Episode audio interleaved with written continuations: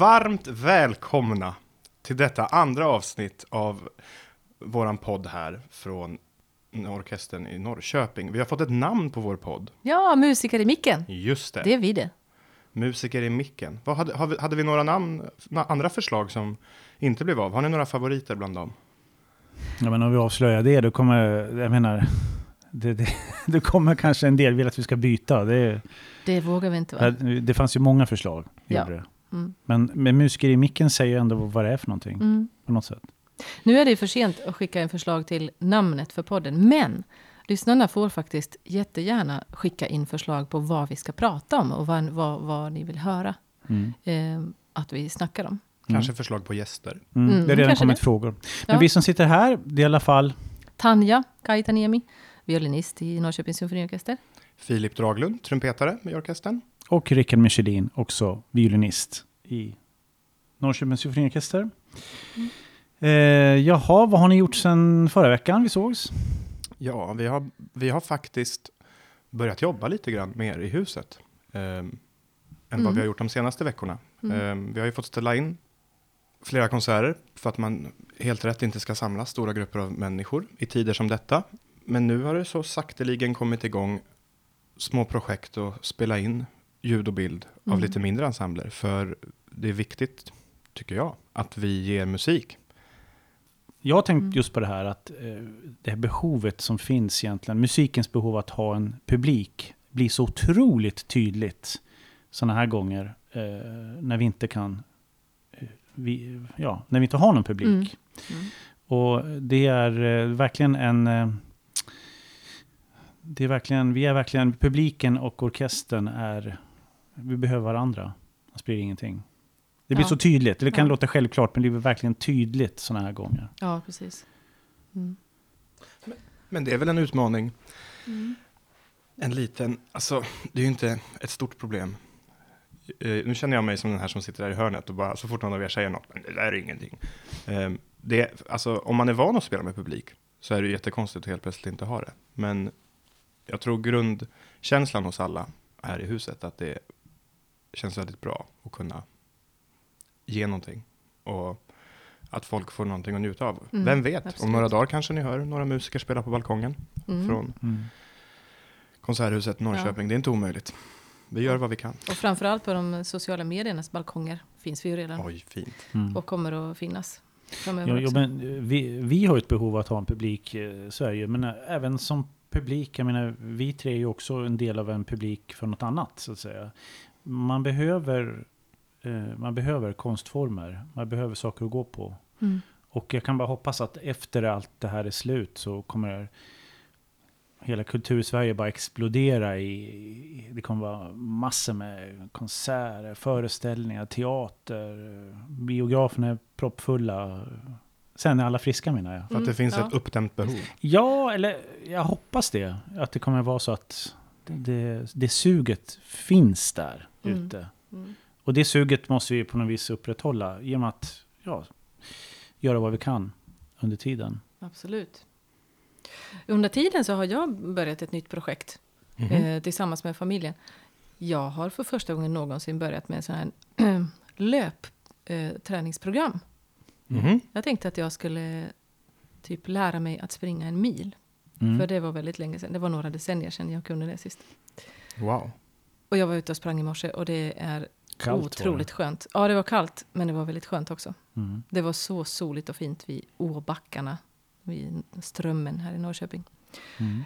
Eh, Rickard, Mm. hur går det med dina chilibebisar? Ja men det, det, jo, alltså så här va. Eh, Jag har ju satt eh, en sort, men de andra jag beställde har inte kommit. Förmodligen ligger de i brevlådan nu. Eh, så att de ska jag väl så idag. Eh, men men eh, däremot så kom fröna till, eller det vi ska så i vårt land, det kom igår. Så Okej. det, det, nu kan man inte så, det är inte det, men eh, jag blev jätteglad. Mm. Men var ska du ha chilen? Ska du ha dem i ett, ett, eh, växthus eller ute eller Nå, först så får man ju krukor? ha dem i, i såna här jättesmå svarta Mm. Eh, Och sen så, eh, så, så planterar man ju om dem och så vidare. Så att det blir, och sen Men- så står de ute då såklart. Ute? Mm, Mm. På, på terrasserna. Ja, okej. Så, sådär. Men det var så att nämligen för två år sedan så, så plöjde jag upp en del av våran trädgård till, eh, till ett land för att eh, vi skulle prova att odla ekologiskt. Ja. Så att eh, jag satte jordfräsen i och, och körde. Det var jättekul faktiskt. Fast det var tungt, men i alla fall. Och sen så har vi då odlat gröngödsling förra året för att det ska bli kvävemättat och sånt där. Så, så nu alla fröna, allt vi har beställt, det är ju ekologiska fröer. Så, här. så vi ska köra, testa se eh, om vi klarar av det. Att köra. ja. Gud vad härligt. Så att det blir spännande faktiskt. Så det är sådana här upphöjda eh, bäddar alltså. Jaha. Så det ser ut som, eh, som långa Som en puckelpist. Anton Berg marsipan, sådana där. Eller som en mullvad har löpt amok. Ja, typ. Ja. typ så. Mm. Och då, de blir varmare mycket snabbare än ett platt land så här, på, på vårarna. För det blir ju det. värme i de där korvarna, uttrycker det så. Så att eh, det ser jag väldigt mycket fram emot att få sätta dem så småningom. Eh, och se när det poppar Vi upp. kommer att följa detta med spänning. Ja, Verkligen. det, det, blir, det blir kul. Ja. Men eh, annars sen sist så, eh, så har jag laserat ute möblerna. Okej, Ja. ja det måste också göras. Ja. Ja. Så att, eh, ja, lite, lite sånt får man göra också. Mm, Vid precis. sidan om att hålla igång sitt spel och sådär. Ja, just det. Vad har du gjort Filip? Jag tänker man borde köpa ett hopprep. Det är bra att ha.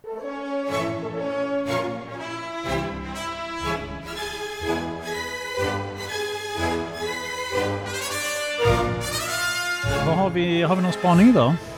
Ehm, ska, vi, ska vi använda, vi har, fak, eh, vi har faktiskt, det här är ju en väldigt, en ny upplevelse för oss allihopa. Så att eh, normalt kanske när man sp- spelar in ett program så har man massor med ljud inspelade och jinglar och sådär som man kan använda. Men vi har istället ett bord fullt med massor med konstiga slagverk. Så om vi ska Ja. gå över på spaningar, vilket instrument tycker ni vi ska använda då, då för att starta det? Eh, Föreslå något.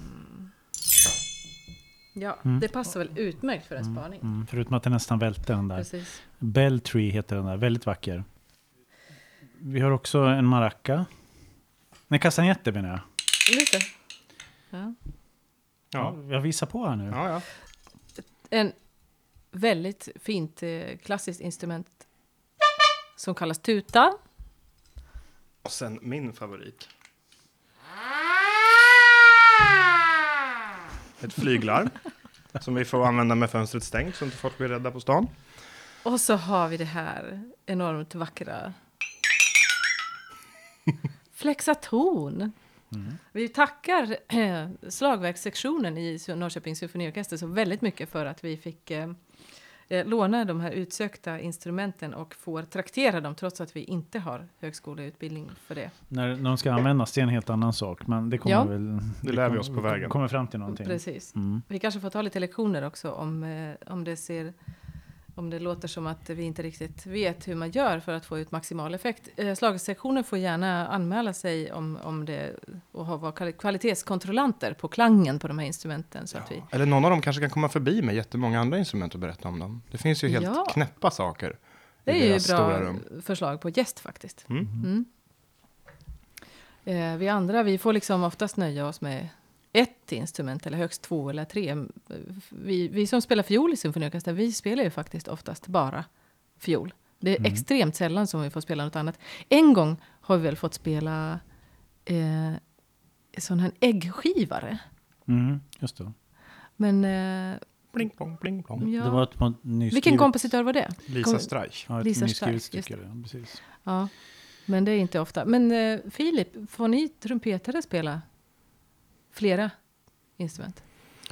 Alltså slagverkssektionen i den här orkestern är väldigt förlåtande och väldigt trevlig. Så det har ju varit någon konsert när vi har spelat lite blandat program, någon jazzballad, så fick jag någon konstig slagverksgrej som jag kunde sitta och mysa med i ett hörn. Men, du Men- vet inte ens vad det hette? Ja, men det, det ser ut som en, eh, en rund grej med massor med små kulor på som man drar, som gör ett så här sh- sh- sh- ljud. Ja. Så det, nej. Men annars, ibland i modern musik, eh, eller relativt nyskriven musik, så gillar ju tonsättarna att använda sig av massor med effekter. Ehm, och där, på trumpet så kanske man bara ska blåsa, ta munstycket och blåsa in i instrumentet, eller lossa något av skruvarna och slå på instrumentet så att det blir, klirrar lite Mm. och sånt där. Ehm, det, det är ju inte kanske ett biinstrument som sådant, men det är ju ändå något helt annat än det man brukar göra. Men du var ju faktiskt med i ett biinstrument. Ehm, ja, ett väldigt inofficiellt biinstrument. Får vi höra En- lite? En tin whistle. Eh, Det här är eh, tredje gången i mitt liv som jag testar att spela det här.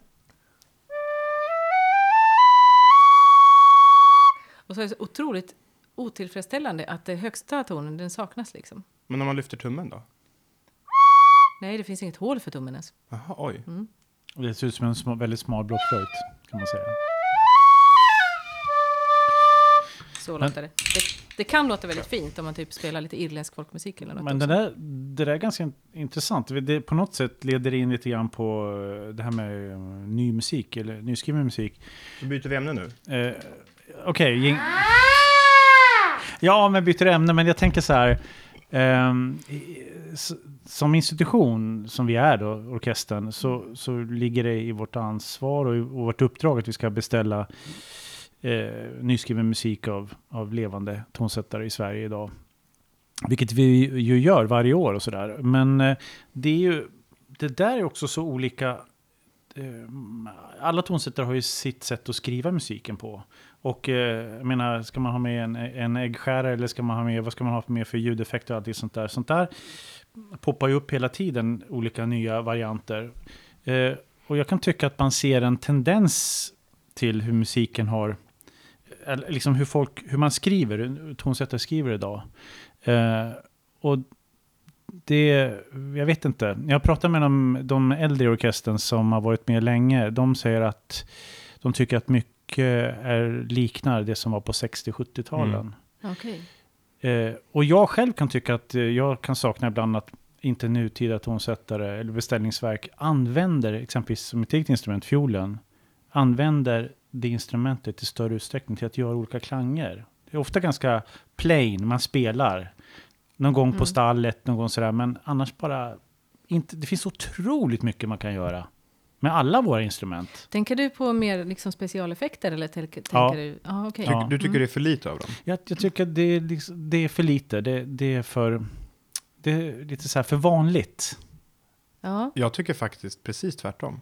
oj, ja, i vissa fall så var har jag intressant. också tyckt eh, Nej, men- tvärtom. Att, att man, det, vi har ju verkligen spelat stycken där vi inte spelar en enda normalton, utan allting är bara specialeffekter. Mm. Och det kan också bli lite enahanda på, på sitt sätt, tycker jag. Men vad tänkte du, Filip? Nej, men alltså, jag tycker verkligen det är kul när, när tonsättare säkert går runt på skolorna när de studerar och, och pratar med folk som spelar instrument Mm. för att kolla vad man kan göra för konstiga och annorlunda saker. Jag tycker det är jättenyttigt och jättebra, men ibland, just när man skriver ett stycke för orkester, då tycker jag, ibland känner jag att det blir lite onödigt när alla står och eh, hamrar på notstället med sitt munstycke. Ja, eller men så plingplongar för- i en, I en mindre ensemble, Mm. då finns det en möjlighet att verkligen utnyttja tystnaden och småljud som, som sådana Mm. mer effektivt. Men när man har en hel orkester, då, är, då, då kan man ju skriva ett nutida stycke med nutida harmonik och klanger, men använda sig av det stora mediet, som är att vi har 45 stråkmusiker och en stor, använda stora sektioner mot varandra. Jag tror att ibland kan det bli lite navelskådande. Sen Mm. finns det ju såklart, det finns jättemånga bra nutida stycken som använder sig av båda, men jag, jag tycker att Mm. Om man skriver ett stycke för orkester så är det ju väldigt kul om man kan få använda upp hela den rika orkesterklangen och ta in en väldigt nutida ljud i det också. Just det. Det är ja. lite så jag känner. Ja, Mm. så tänker nog jag också. Ja, men, Ja. men det motsäger inte vad jag menar, utan det är väl mer det att jag tycker att man kan använda instrumenten istället för att bara spela på strängarna och vanliga toner så kan man exempelvis om man spelar, man kan skapa effekter med många människor som gör sam, exakt samma grej.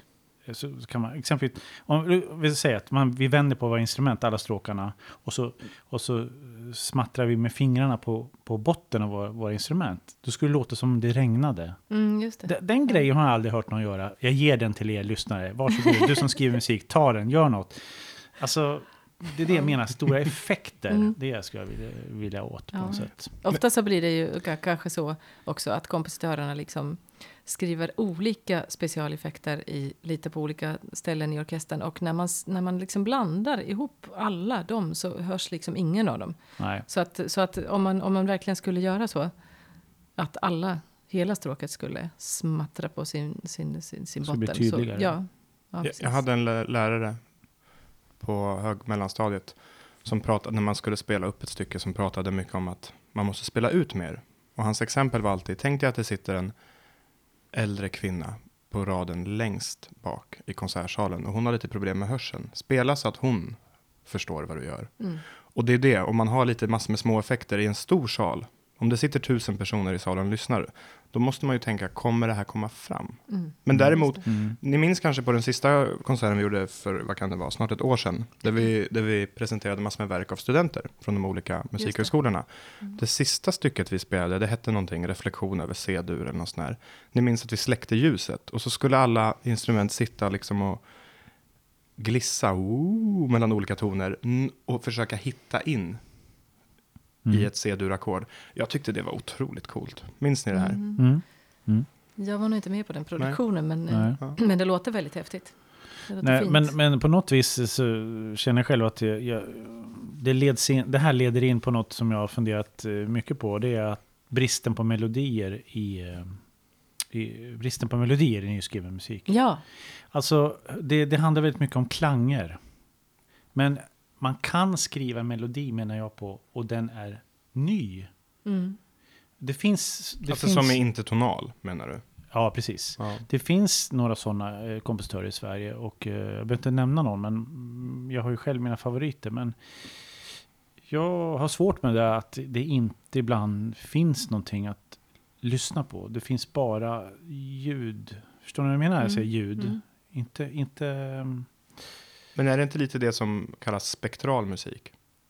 När man inte befinner sig i en tonalitet utan, nu, om jag har fel så får ni gärna berätta mig, men att det mer handlar om hur klangerna fungerar i förhållande till varandra och att inte, man inte pratar om liksom tonalitet och ackord. Och, Men ligger det i tiden eller det... alltså det är väl också en f- 50-60-tal, jag tror det mesta är väl 50-60-tal. Just När. John Cage skrev sitt stycke 433 och pianisten gick upp på scenen och bara vände blad. För det som faktiskt var verket var publikens frustration och ljudet som hände.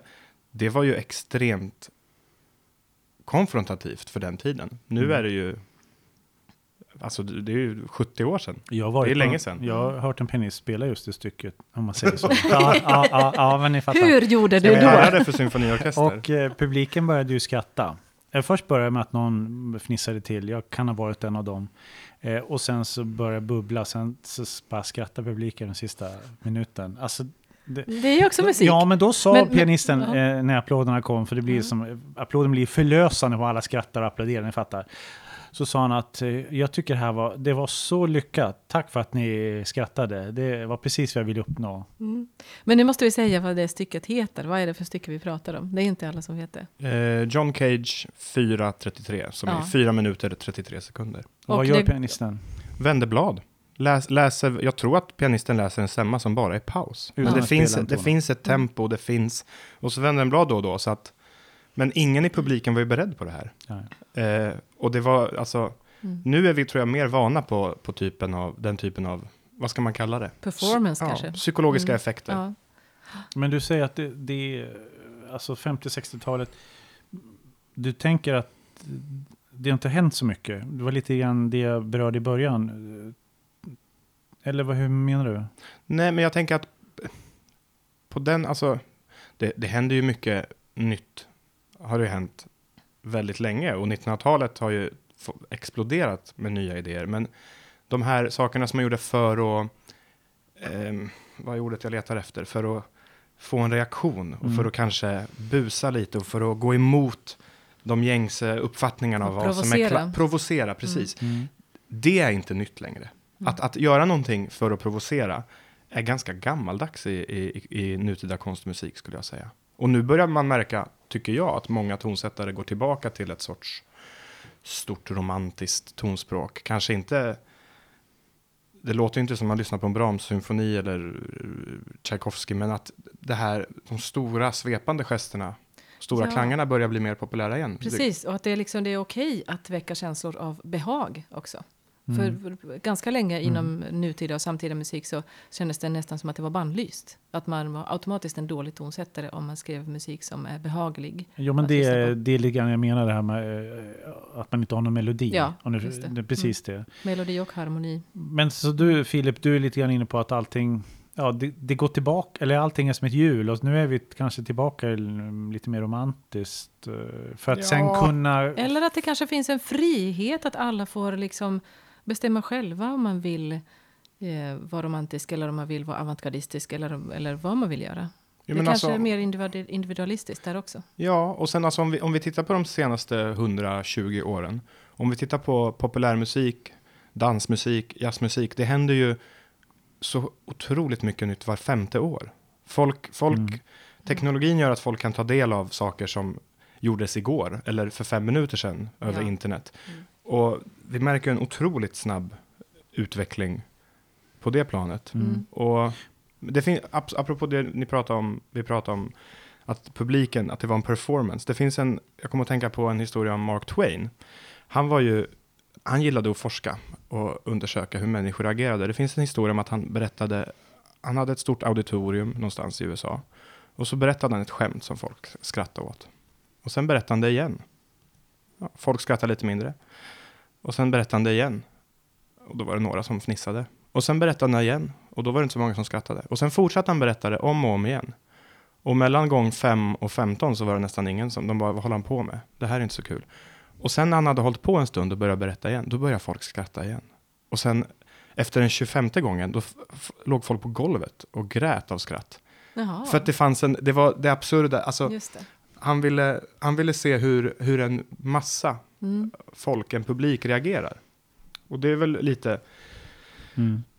lite samma, ja, Just apropå Kategori. Mark, Mm. apropå Mark Twain, så jag vet inte om det är sant, men det lär vara så att eh, den dagen han föddes så kom Halley's komet och den dagen han dog så kom den tillbaka. Jag vet inte om det stämmer. Oj. Ja, det är coolt faktiskt. Ja, Ja. men eh, hur som helst så har ju som sagt institutioner och, och, och andra eh, musikutövare har ju ett ansvar och eh, en glädje tycker jag att man ska beställa ny musik av tonsättare. Det är också så de själva utvecklas. Mm. Och, och eh, det är alltid spännande att följa någon. Mm. Någon ung som sen blir äldre och äldre. Alltså, jag förstår att många som kommer på en konsert till ett konserthus vill höra en Beethoven eller en Tchaikovsky symfoni. Ja. Eh, det finns, en, det finns någon, ett, en igenkänningsfaktor och en mysighet i det. Ja, Men- och det men- är inte alltid man känner för att bli utmanad och få utmaning även på sin fritid. Och så. Det är sant, men där, därför tror jag ändå att det är viktigt att man, det kan vara fem minuter, det kan vara tio Mm. minuter, det kan vara 15 minuter av konserten, Mm. som är en helt, ett nyskrivet verk. För att, så att folk bara vågar försöka släppa sina, vad heter det, preconceptions, förutfattade meningar om Ja. hur det ska vara, Ja. och, ehm, och bara känner musiken. Mm. Eh, och jag, vi måste, det måste vara ofta. Det- Och det behöver inte vara så länge, men bara så att vi, så att vi hela tiden ser vad, vad som kan hända. Vad finns Mm. det för klanger? Vad finns det för sätt att, att skriva musik? Absolut. Det, det, det, det, det kommer tillbaka faktiskt lite grann till Pettersson, tänker, tänker jag på, som vi pratade om förra programmet.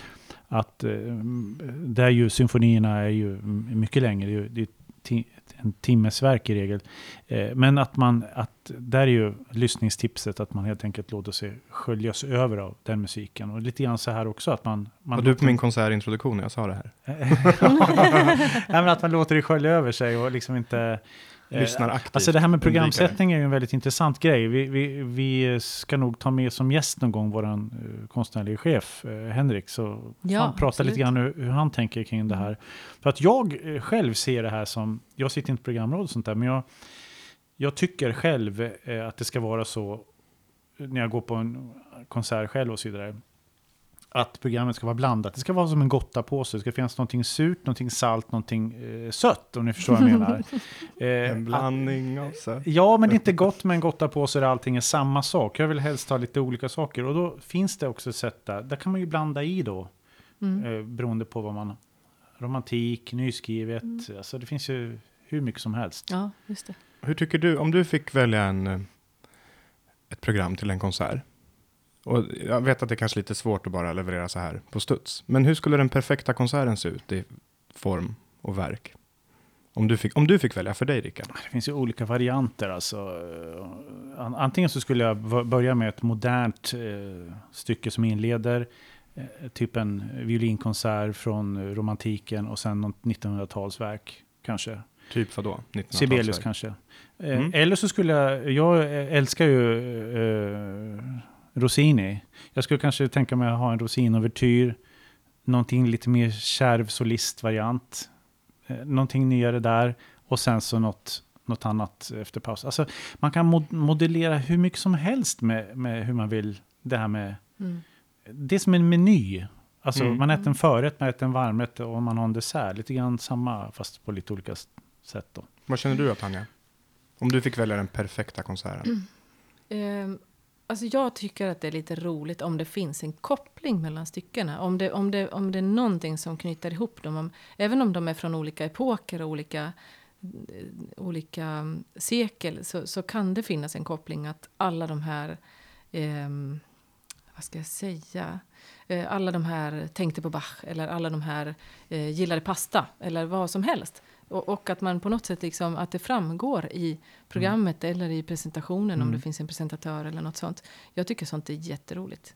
Och, och när jag gör konsertpresentationer så försöker jag alltid leta efter sånt. Att, att ja, men alla de här bodde faktiskt en del av sitt liv i, i den här stadsdelen i Paris eller något. Men eh, Mm.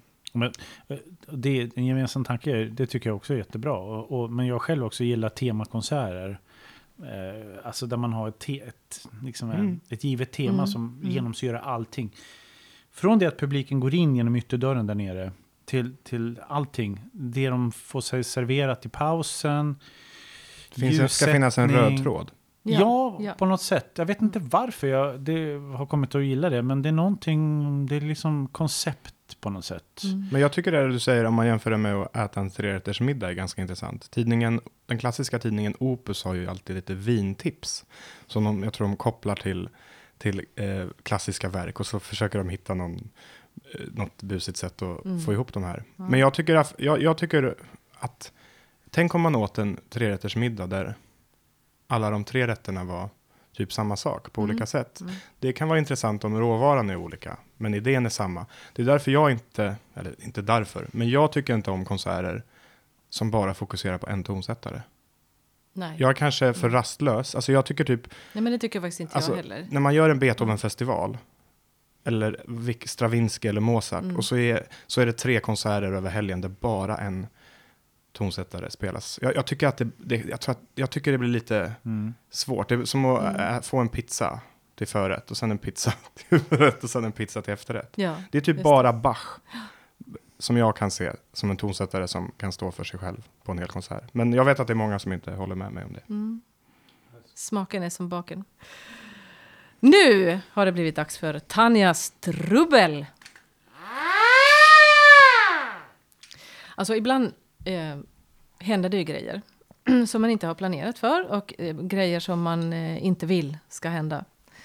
Och i, nu, ska jag, nu ska jag berätta om mitt livs pinsammaste sjukskrivning. Oj. Det är knappt så jag vågar berätta det, men eh, det ska jag göra. Eh, ja, det här var länge sedan, jag var ung, jag var ganska nyanställd i orkestern. Jag var duktig och övade på morgonen från eh, mina övningskopior. Så här helt vanliga A4 som noterna var kopierade på. Och eh, vände blad och bläddrade och skar mig, lyckades skära mig i vänsterhands långfinger på två blad bredvid varandra. Liksom. Så det blev två sår på fingertoppen. Jag förstår inte idag hur det gick till.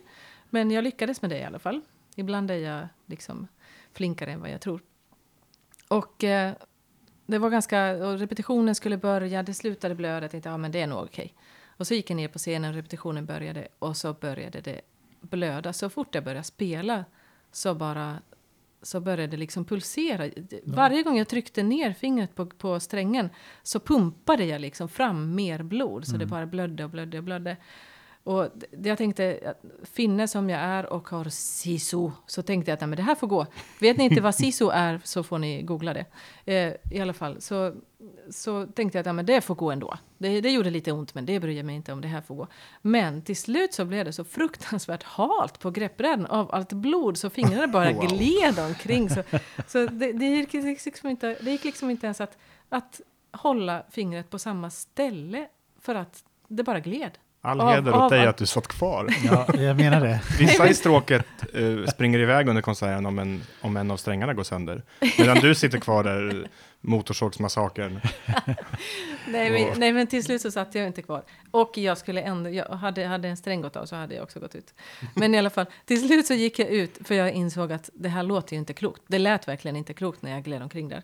Och, och så gick jag till eh, eh, våra kära podiainspicienter och åh, jag behöver, jag behöver, eh, ha, vad har ni för någonting? Jag behöver sprayplåster. Ja, vi har sprayplåster. Och så sprayade vi och så torkade jag och så sprayade jag och så gick jag och spelade och men så gick det upp direkt igen. Det här spray, sprayplåstret höll inte alls. Jag provade en gång till och väntade längre för att det skulle hinna torka ordentligt med samma sak. Det bara blödde och blödde och jag torkade av min fiolhals från blod för tredje gången. Eh, och, och så provade jag kirurgtejp. Jag tänkte att man kanske ändå kan liksom spela med kirurgtejp runt Mm. fingertoppen. Men det blödde så pass my- mycket så att liksom limmet på något sätt... Löstes ja, det, ja, det löstes upp liksom. Så Av att friktionen. kirurgtejpen, ja, av friktionen och av liksom Mm. vätskan, att det blev blött liksom. Av blodet. Alltså, så kirurgtejpen ramlade av också. Sen till slut så tänkte jag att nej, men jag kanske måste ha ett vanligt plåster. Men det gick faktiskt inte att spela med ett vanligt plåster med en sån här kudde på mot, mot strängarna och mot greppbrädan. Det, det, det lät inte heller klokt. Och det, nej gud, det Och lät... sen ja. smärtan också tänker jag. Sen till slut så... Det, det, det har vi inte ens Nej, nämnt. nej, nej, precis. Nej, Det är smärta, bara blod. smärta, nej, smärta det, det får man För det tänka svider bort. som attan. Ja, det gör ju verkligen Ja, det. Och speciellt in, när det liksom gick upp och strängarna grävde sig in i de här såren. Fy sjutton vad det sved. Alltså. Mm. Men, Men det är poppis nu med såna här eh, gummihandskar i samhället. Du borde haft Ja. sådana och sen ett gummiband runt handleden. Och så får du spela tills hela armen har blivit röd. Nej, men det skulle ha gnisslat så mycket mot fiolhalsen tror jag, av gummit. Ja, just det. Ja. Men eh, just då så hade vi inga gummihandskar i alla fall. Och till slut så började ju kollegorna liksom blänga på mig och titta så argt. Och, till, och de, de körde ju ut mig. Nej, det gjorde de inte. Men till slut så skämdes jag så mycket för hur det lät så att jag fick helt enkelt, jag fick sjukskriva mig för att jag hade skurit mig på papper. Och det kändes så otroligt Mm. eh, fjompigt. Fast du enkelt. använde ju fingrarna. Det var ju någon fotbollsspelare Jo. i landslaget häromåret som missade landskamper för att han skar sig i, i handen när han skar gurka. Och då tänker jag eh, kritiskt, ja men du spelar väl inte fotboll med händerna? Eh, men det är såklart, att det här är ju ändå mitt, det är precis Ja. fingertopparna du behöver Ja, använda. jag utövar ju yrket med just vänsterhandens Ja. fingertoppar. Så, att, så att det kanske var okej. Men det kändes jättekonstigt att gå hem och sitta hemma för att man har skurit sig på papper. Liksom. Mm. Men, Men, å eh, andra sidan, ja. ska, just en sån skada kanske ändå läker hyfsat snabbt. Eh, Ja, liksom tänker jag. Kanske det. tar inte två veckor direkt. Men ändå, Nej, det, precis, ja. det är ju ändå känsligt Men- ställe. ja, den produktionen missade jag. Ja. Var det en bra av- produktion? Jag minns inte vad det var, det var så länge sedan. Mm. Tyvärr. Ja. Du då Rickard, har du någon gång Eh, varit tvungen att Nej, du vet. haft någon konstig skada? Mm. Som har Ehm, hindrat dig från att spela? Nej, jag fakt- ja, Nej, jag tror faktiskt inte. Jag har faktiskt bara varit sjukskriven en gång på en dag på 30 år tror jag. Oh, faktiskt. wow. Nej, men jag vet Ja. inte. Jag bara liksom inte... Och framförallt inte att vara sjuk är en sak, men jag har inte skadat mig. Så jag, jag har ju ganska så här kuddiga fingertoppar. ah, det har inte jag. Eh, De är, det är mycket kött i dem. Mm. Eh, Så att jag är inte känslig så här. En del får ju när de spelar eh, så här märken efter strängarna ju. Ni vet Ja, så här svarta Ja, streck. men det får jag. det har det jag, jag. aldrig, jag har aldrig fattat hur det går till ens. Har du liksom riktiga valkar? Nej, så? alltså, det, Nej. Tanja kanske övar mycket mer. Eh. Säkert, men det är, att det, det, det är så mycket kött på mina eh, så att det fast det kan liksom inte bli en skåra på något Mm. sätt. Så att, eh, Men det här måste jag berätta för lyssnarna. Alltså när jag var tonåring i alla fall. Då, då hände det faktiskt att folk jämförde sina övningsvalkar på fingertopparna. Mm. Och kolla, åh kolla jag har fått så här tjocka valkar. Som att det skulle vara liksom ett tecken på att man har övat mest och är bäst. För att man har fått tjockast hud på fingertopparna. Men jag har sett violinister som jämför märket på halsen efter vem som övat mest. Just det, det, det ska vi också berätta. Alltså man kan få ett litet som, som ser exakt ut som ett sugmärke på halsen av fiolen. Jag hade det förut men det har jag inte längre. Jag vet inte varför. mm. Jag, jag tror inte att det är för att jag har börjat öva så himla lite. Men, Men eh, har ni, blev ni när ni var små trackade på något sätt för att ni spelade de instrument ni gjorde? Eller? Alltså så här, av andra, av skolkompisar och sånt där? nej, det kan jag inte minnas. Så nu spelar jag trumpet va? Ja, alltså, det är lite Det är bara, det coolaste instrumentet som finns. Efter gitarr och Nej, det är trummor. ingen som var... Just det. Alltså- Blev du det, Rickard? Ja, det hände någon gång så här, men, eh, kanske när jag var 11-12 års åldern. Man- Jag började när jag var nio. Och då så hade jag slutat skolan och så åkte jag hem och hämtade min fiol och så kanske jag hade lektion lite senare på eftermiddagen. Och då var jag tvungen att gå över hela långa jättestora skolgården eh, för att gå in i den dörr jag skulle på den, samma skola jag gick på. Och då är man tvungen att passera rökrutan som fanns då. Mhm. Och eh, de äldre eleverna som på högstadiet, de var ju kvar längre i, i skolan. De stod ju alltid i rökrutan som man måste passera. Och då var det det klassiska. Vad har du under armen? Hej du, vad är klockan? Ja, inte vet jag, så. Han du har den under armen, Mora klockan. Och, och liksom så här, Mhm. man ropade. Ehm, men till slut så på något vis minns jag att jag bestämde mig för att inte bry mig. Men bryr man sig och tycker det är pinsamt, då kanske man inte pallar Precis. på något sätt. Jag, ja, jag, jag vet faktiskt folk som har slutat spela för att de eh, inte orkade med att lyssna på alla kommentarerna som man får när man kommer och måste ta med fiolen till skolan eller något sånt. Och det är ju Mm. otroligt tragiskt. Mm. Och jag vet inte, idag kanske det där, eh, jag inbillar mig att det ändå eh, har ändrat sig. När jag gick i skolan, var ändå på 70 och 80-talet, så, så då var det en, en tjej i klassen, hon red, en spelade tennis, eh, två typ spelade fotboll. Vi var kanske två, tre som spelade instrument. Resten gjorde inget. Eller det var liksom inte, idag finns det så mycket aktiviteter och det är många som spelar mycket instrument. Ja, Och, och de kanske har möjlighet att, de spelar i skolan och visar upp sig och så plötsligt blir man ju cool då om man spelar någonting så här. uh, just det. Nej, alltså jag var ironisk. Jag tror inte det var så. Jag tyckte det var pinsamt att Tyckte spela. du det? Jag tyckte det kändes annorlunda att liksom gå runt med en väska. Jag tror faktiskt inte att folk brydde sig sär- särskilt mycket. Jag minns någon gång typ i trean eller fyran när man var så här vad är man, nio, tio år så fick jag spela typ nationalsången på när vi hade nationaldag eller när vi skulle sluta terminen eller någonting. Och jag tyckte det var superpinsamt. Vilken ära. Fast jag tror, de andra kanske tyckte det var roligt. Jag vet Ja. inte. Du måste fråga dem. Du måste fråga dem och, så, och ta upp det Hej, igen vi har inte hörts på, på Ja. 20, 20 år, 25 år, men jag tänkte fråga. Lyssnar ni, eh, Philips gamla klasskompisar, Ja, nu på den det. här podden, hör gärna av er på sociala medier på hur det egentligen var. Men det här leder mig osökt över till någonting som jag tänkte på innan vi träffades idag. Ja. Hur kommer det sig, för jag tror inte vi pratade om det här sist, hur kommer det sig att ni började spela? Är det här en spaning eller? Nej, det är det inte. Nej, det här är bara, alltså hur kommer det sig att ni, En spåning. ja, Mm. hur kommer det sig att ni började spela instrument och hur kommer det sig att ni fastnade för det så hårt att ni bestämde er för att bli musiker? Det kan jag tycka är en intressant fråga, för alla har säkert olika berättelser.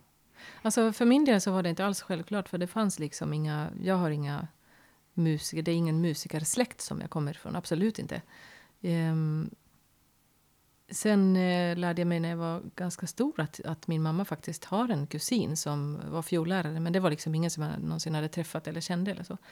Jag tror, jag är inte helt säker, K- kanske om mina föräldrar lyssnar på det här kan eh, eh korrigera mig om jag har fel, men jag tror att jag började dels för att jag hade sett en eh, fiolsolist, en kvinna i en jättetjusig, eh, glansig långklänning på tv.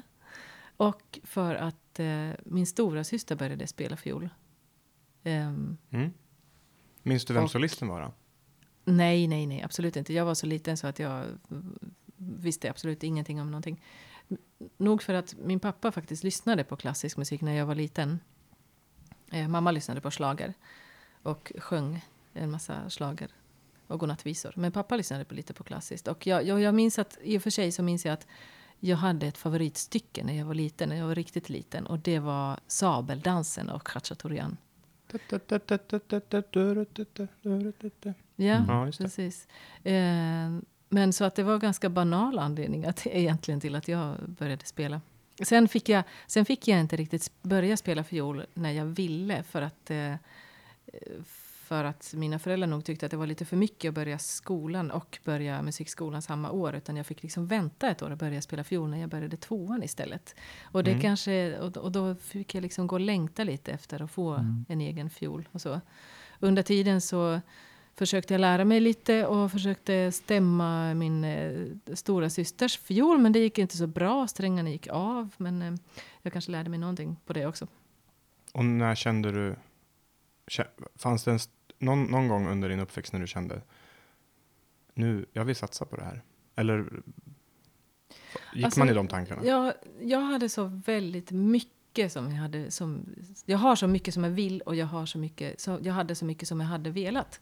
Jag hade liksom velat bli arkitekt och astronaut och violinist och läkare och eh, allt liksom samtidigt.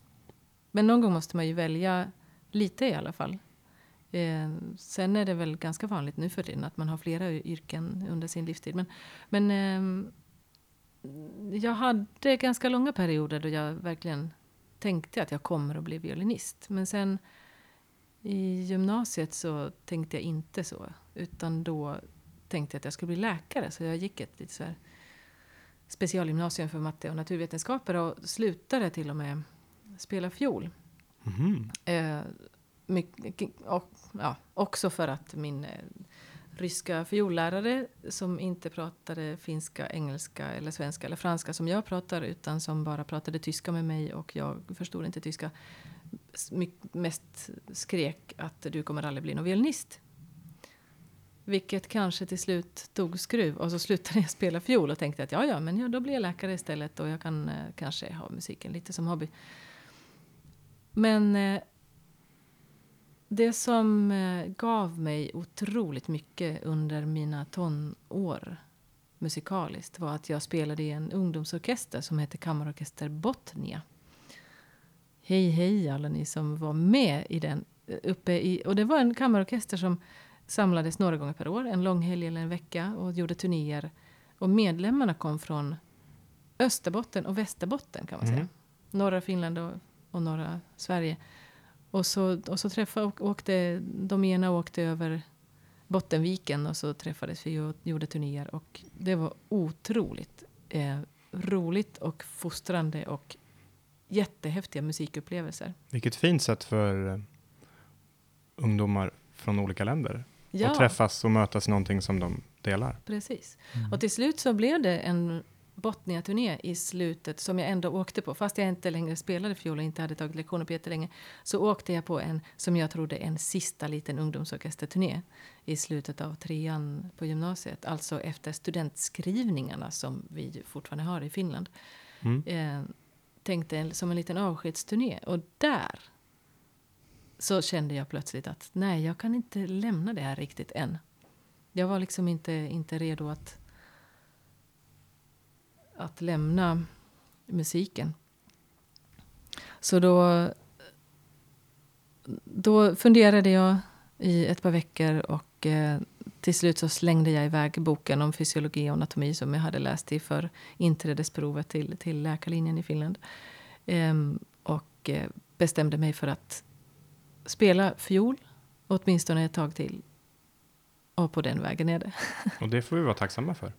Och det är jag också väldigt tacksam för. Att jag faktiskt eh, gjorde ett sånt ganska... Ja, man skulle kunna tycka att det var ett riskfyllt val. Men eh, på något sätt så tror jag ändå att man som ungdom... Nu kommer säkert få en massa arga föräldrar på mig. Men inte ska lyssna på andra, inte ens på sina egna föräldrar. Utan man måste få göra det som man vill ägna sitt liv åt. Och, men, och se till att man liksom försörjer sig. Och, men men inte, inte... mm, Jag tror att det är farligt. Jag tror att det är farligare att göra ett rationellt val. Och slå sig in på en bana som man inte riktigt känner för. Än att Mm. välja någonting som till exempel musikeryrket. Och som man liksom vill och har en drivkraft i själv. Jag, jag tror att vi alla säkert har varit med om att någon frågar någonstans vad man håller på med och så svarar man att man är musiker och så får man motsvaret, ja men vad gör du på riktigt? Ja. Typ som att eh, Absolut. musikeryrket är någon sorts liten hobby. Mm. Och, vilket man kan, jag fnissar mest åt det, men egentligen är det ju ganska konstigt sätt att se på det. Alltså tiden de flesta i orkestern har lagt på det här, timmarna under uppväxten för Mm. att bli bättre på ett instrument är ju långt mer än de här 10 000 timmarna som krävs för att bli expert på någonting, eller Ja, vad man oh ja. säger. Jag tror, att det, ja, men jag tror att det är okunskap, att man inte vet, vi, vet hur yrket är, eh, har för förutsättningar. Eh, Vi, vi, kan ju inte, vi tre här kan ju inte heller alla yrkens olika förutsättningar, utan eh, det är någonting bara man får leva med, att folk inte vet hur man jobbar. Så får man förklara det. det man kan liksom inte... Ja, Jag vet inte, det. or- jag orkar liksom inte utgå från att alla vet vad man gör, utan det får man berätta i sådana fall. just det. Eh, Mm. Ja, that's it. Mm. Mm. Spännande. Eh, vi har kommit till en ny progr- programpunkt, programpunkt som vi hoppas blir återkommande och den har ju såklart ett karaktäristiskt ljud kopplat till sig. Fint. Philips funderingar. Ehm, jag, min hjärna fungerar lite konstigt. Jag brukar tänka och titta på saker och hela tiden fundera på varför så här, varför inte så här. Och en sak som jag har tänkt på, som jag tror att ni två får svara på. Vi vet ju, vi vet ju väldigt tydligt när vi sitter i en orkester och spelar att de, de instrumenten som spelar högst upp i eh, tonhöjd, eh, vad kan Mm. det vara? Piccolaflöjt, Ja. första fiol, bär bättre, hörs mer. Mm. Om det är starkt så kommer en piccolaflöjt alltid komma igenom för att den har det registret och den lite smalare jämfört med kanske bas eller en, ett horn eller någon sorts stor trumma. Mm. Varför är det så att stråksek- då borde ju stråksektionens storlek, de olika stråkinstrumenten borde ju spegla det här, men i själva verket är det tvärtom. Det är flest första fioler och minst basar. Min fråga är om man vill ha det bästa, fetaste, fylligaste ljudet, varför är det inte tvärtom? Alltså fler Mm. basar och mindre fioler. Det borde vara tvärtom. Just nu är en, en stor symfoni som vi spelar så kanske det är 15 första fioler, 12 andra, eh, 10 viola, 8 celli och 6 basar. Varför är det inte 6 första fioler, 8 andra fioler, 10 viola, de får fortfarande vara 10 i min, mitt lilla exempel, 12 celli och 20 basar. Alltså, och jag pratar inte bara, jag pratar allmänt när man har komponerat musik. Va- varför har man landat på det här? Borde inte första fiolerna som vi pratade om förra veckan spelar oftast lite högre upp? Det borde, det. höras, det borde höras ut bättre tycker jag. Men jag har inget svar på den här funderingen. Har du det själv, Filip? Jag tror jag har fel, men jag vet inte varför. Nej, vi, vi, vi, kanske, vi, vi kanske måste ta hit en, en gäst som får förklara det här för oss. Men, men vet är det inte. inte så enkelt att... Eh, jag menar, det är ju en melodin som örat på något vis letar efter. Skulle man ha att bara baslinjen, då skulle man kanske inte höra melodin. Men det är det jag tror man skulle, för att de instrumenten För att högre upp tränger igenom kommer, kommer komma igenom. Men man får, ett mer, man får en balans mellan stämmorna. Mm. Eller? Men det finns en avvägdhet i det där, alltså att basljudet är en del av... Det skulle bli för mycket bas. Det är som när du har en stereo, så bara drar du full bas istället för att så dra ner eh, dis diskanten. Jo, men då, då gör du det på ett spår som en ljudtekniker eller producent redan har balanserat upp. I brasset, vi tänker mycket på när vi spelar, om vi spelar fylliga, starka partier så ska alltid tuban, de lägre instrumenten ska vara starkast. Just Man får det. bygga en Mm. pyramid, för Ja. det, ger, det ger det fylligaste soundet. Ja. Mm.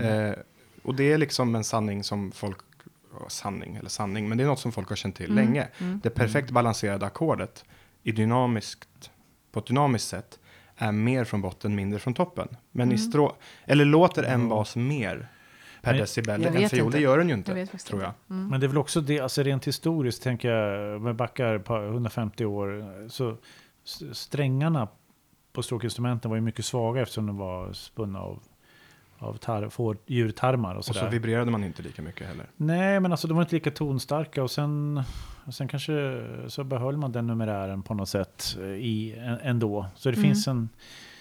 Eh, jag brukar likna orkestern ganska mycket vid en, eh, hur en armé är uppställd. Så att säga. Infanteriet är ju alla där framme.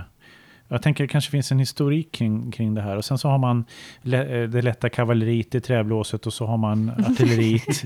Det är ju slagverket och, och, kavalleriet. där. Tunga kavalleriet är brasset liksom, och som står ännu längre. Samma, ja. Så stråken blir som en bajonett i fiolen på något sätt. Vet ni vad stämledare heter på franska? Nej? Chef d'attaque. Ja. Oj. Och det tror jag, Ja. rätta mig om jag har fel någon, um, har med, det är en, alltså att man är den som leder sin pluton Ja, okej. när man ska börja. Det är Ja. en koppling, så det finns en koppling. Man går i döden militären. för sin Beethoven, jag tänker. ja, det finns ju mycket att säga om det där. ehm, Men eh, det är intressant. Det är både liksom historia och nutid. Men du, du får väl skriva ett verk där det är 20 basar och, och fyra första Ja, vi borde göra ett experiment med det, tycker Ja, jag. Men ja. ingen Verkligen. skulle vilja bekosta det här för antalet vikarier man skulle behöva ta in och antalet violinister som sitter hemma och rullar tummarna. Ja, Det det kan, lite för stort. Men det kanske ni skulle För uppskatta. dig så gör Mm. ju det såklart. Tack så mycket. Eh, nästa program, då kommer det nya ämnen. Ja, Mm. Mm. Och har ni något och nya förslag? trubbel. Nya trubbel. Och då Härnäs kommer också nya programpunkten Rickard ryter till. Just det. Ja. Mm. Nya funderingar. Och om någon Mm. har något, något ämne, någon fråga som man vill att vi ska ta upp eller bara sitta och bolla mellan om så tar vi gärna och tacksamt emot det. Ja, verkligen. Ja. Gå in Mm. på norrköpingssymfoniorkester.se så får ni leta er fram till.